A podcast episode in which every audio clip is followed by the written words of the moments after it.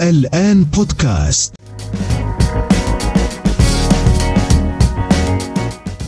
لم تكن زلة لسان وهبي رسول الاستبداد الجديد. مقالة لشام درشول منشورة على موقع البهاموت. زل لسان وزير العدل المغربي عبد اللطيف وهبي وأمين حزب الأصالة والمعاصرة. ورد على سؤال صحفي عن نجاح ابنه في امتحان المحاماة.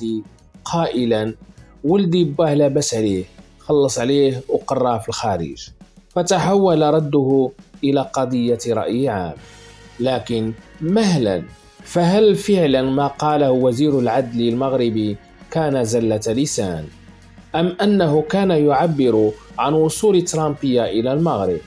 أم أن الأمر أعمق من كل هذا وذاك وأن عبد اللطيف ما هو إلا مصاب بعدوى الاستبداد الجديد التي تضرب وزارة العدل في عدد من الدول التي كانت تتباهى بالديمقراطية مثل إسرائيل والبرازيل وقبلهما الولايات المتحدة.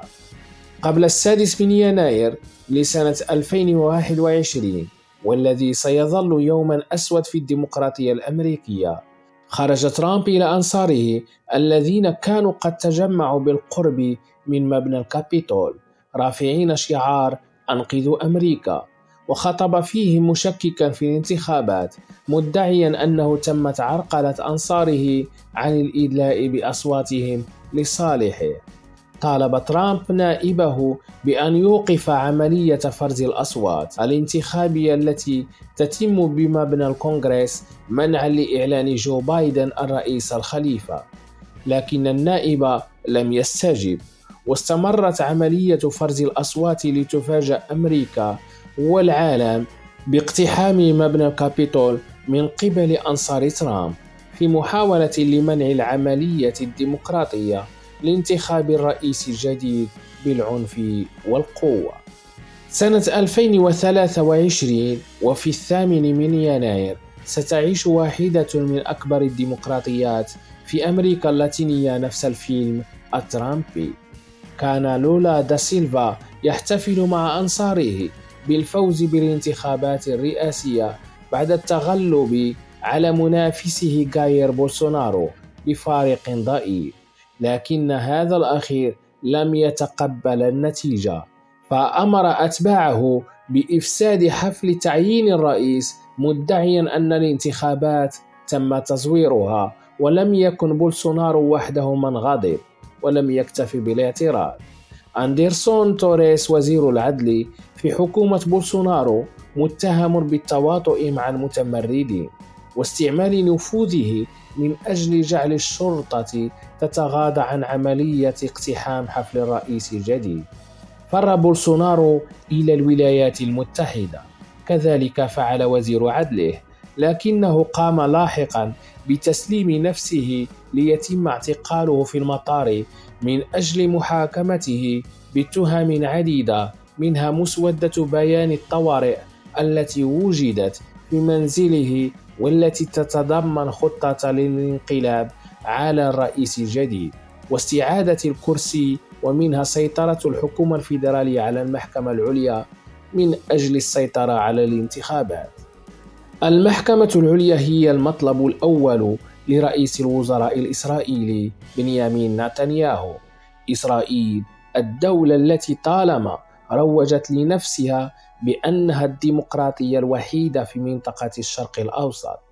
يحاول نتنياهو وأنصاره الاستيلاء على المحكمة العليا وتحويلها إلى هيئة تابعة للسياسيين يتحكمون فيها ولا تتحكم فيهم.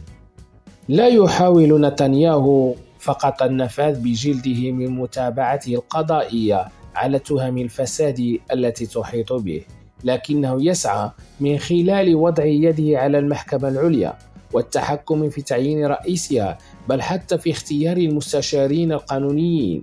وفي وزارة العدل يسعى إلى أن يتحول إلى ملك إسرائيل ولتذهب الديمقراطية إلى الجحيم.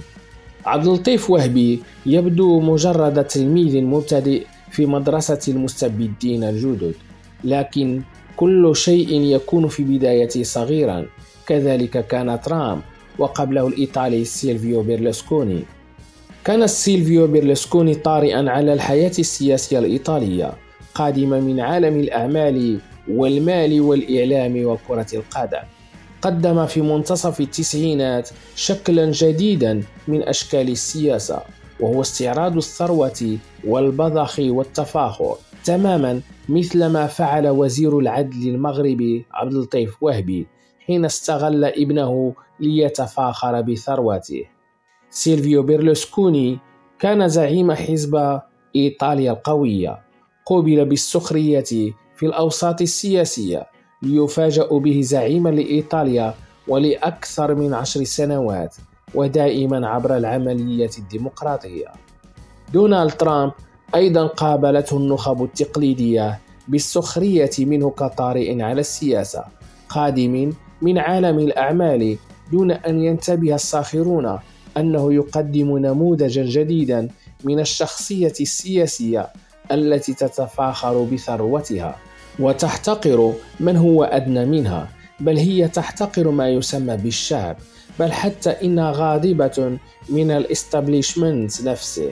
وأكثر من هذا كل هؤلاء من بيرلسكوني إلى وهبي يبحثون عن أضواء الإعلام.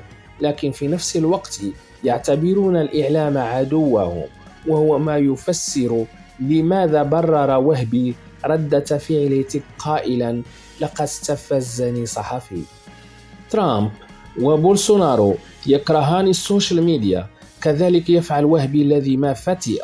يكرر في كل خرجة له أنه يحاول إقناع صناع القرار الحقيقيين في البلاد بجدوى القانون الجنائي في التحكم في الشبكات الاجتماعية. يبدو جليا أن عبد اللطيف وهبي تلميذ نجيب للشعبوية والترامبية والبولسونارية وربما هو في طور تأسيس حركة الوهبية في المغرب. المغرب ليس بعد دولة ديمقراطية لكنه يعتمد طرقا تعتبر جزءا من العملية الديمقراطية مثل الانتخابات. لا انتخابات بدون الشعب بدون جمهور بدون قاعدة حزبية. وهذه الأحزاب تحصل على الدعم الحكومي من الدولة أي من مال الشعب. هذا الشعب نفسه الذي استعلى عليه عبد اللطيف وهبي وهو أمين عام حزب وزير للعدل. يستمر عبد اللطيف وهبي في منصبه يتلاسن مع الصحفيين ويهدد المواطنين الرقميين على الشبكات الاجتماعية بالقمع والمحاكمة دائما باسم القانون. وفي البرازيل عاد وزير العدل في حكومة جاير بولسونارو من ملجئه وسلم نفسه في انتظار أن يلحق به بولسونارو. خرجت الصحافة البرازيلية والصحافة الأمريكية المتخوفة من عودة ترامب والصحافة الغربية تندد بما فعله بولسونارو ووزير العدل ودعت إلى عدم التسامح مع هذا الإرهاب الداخلي.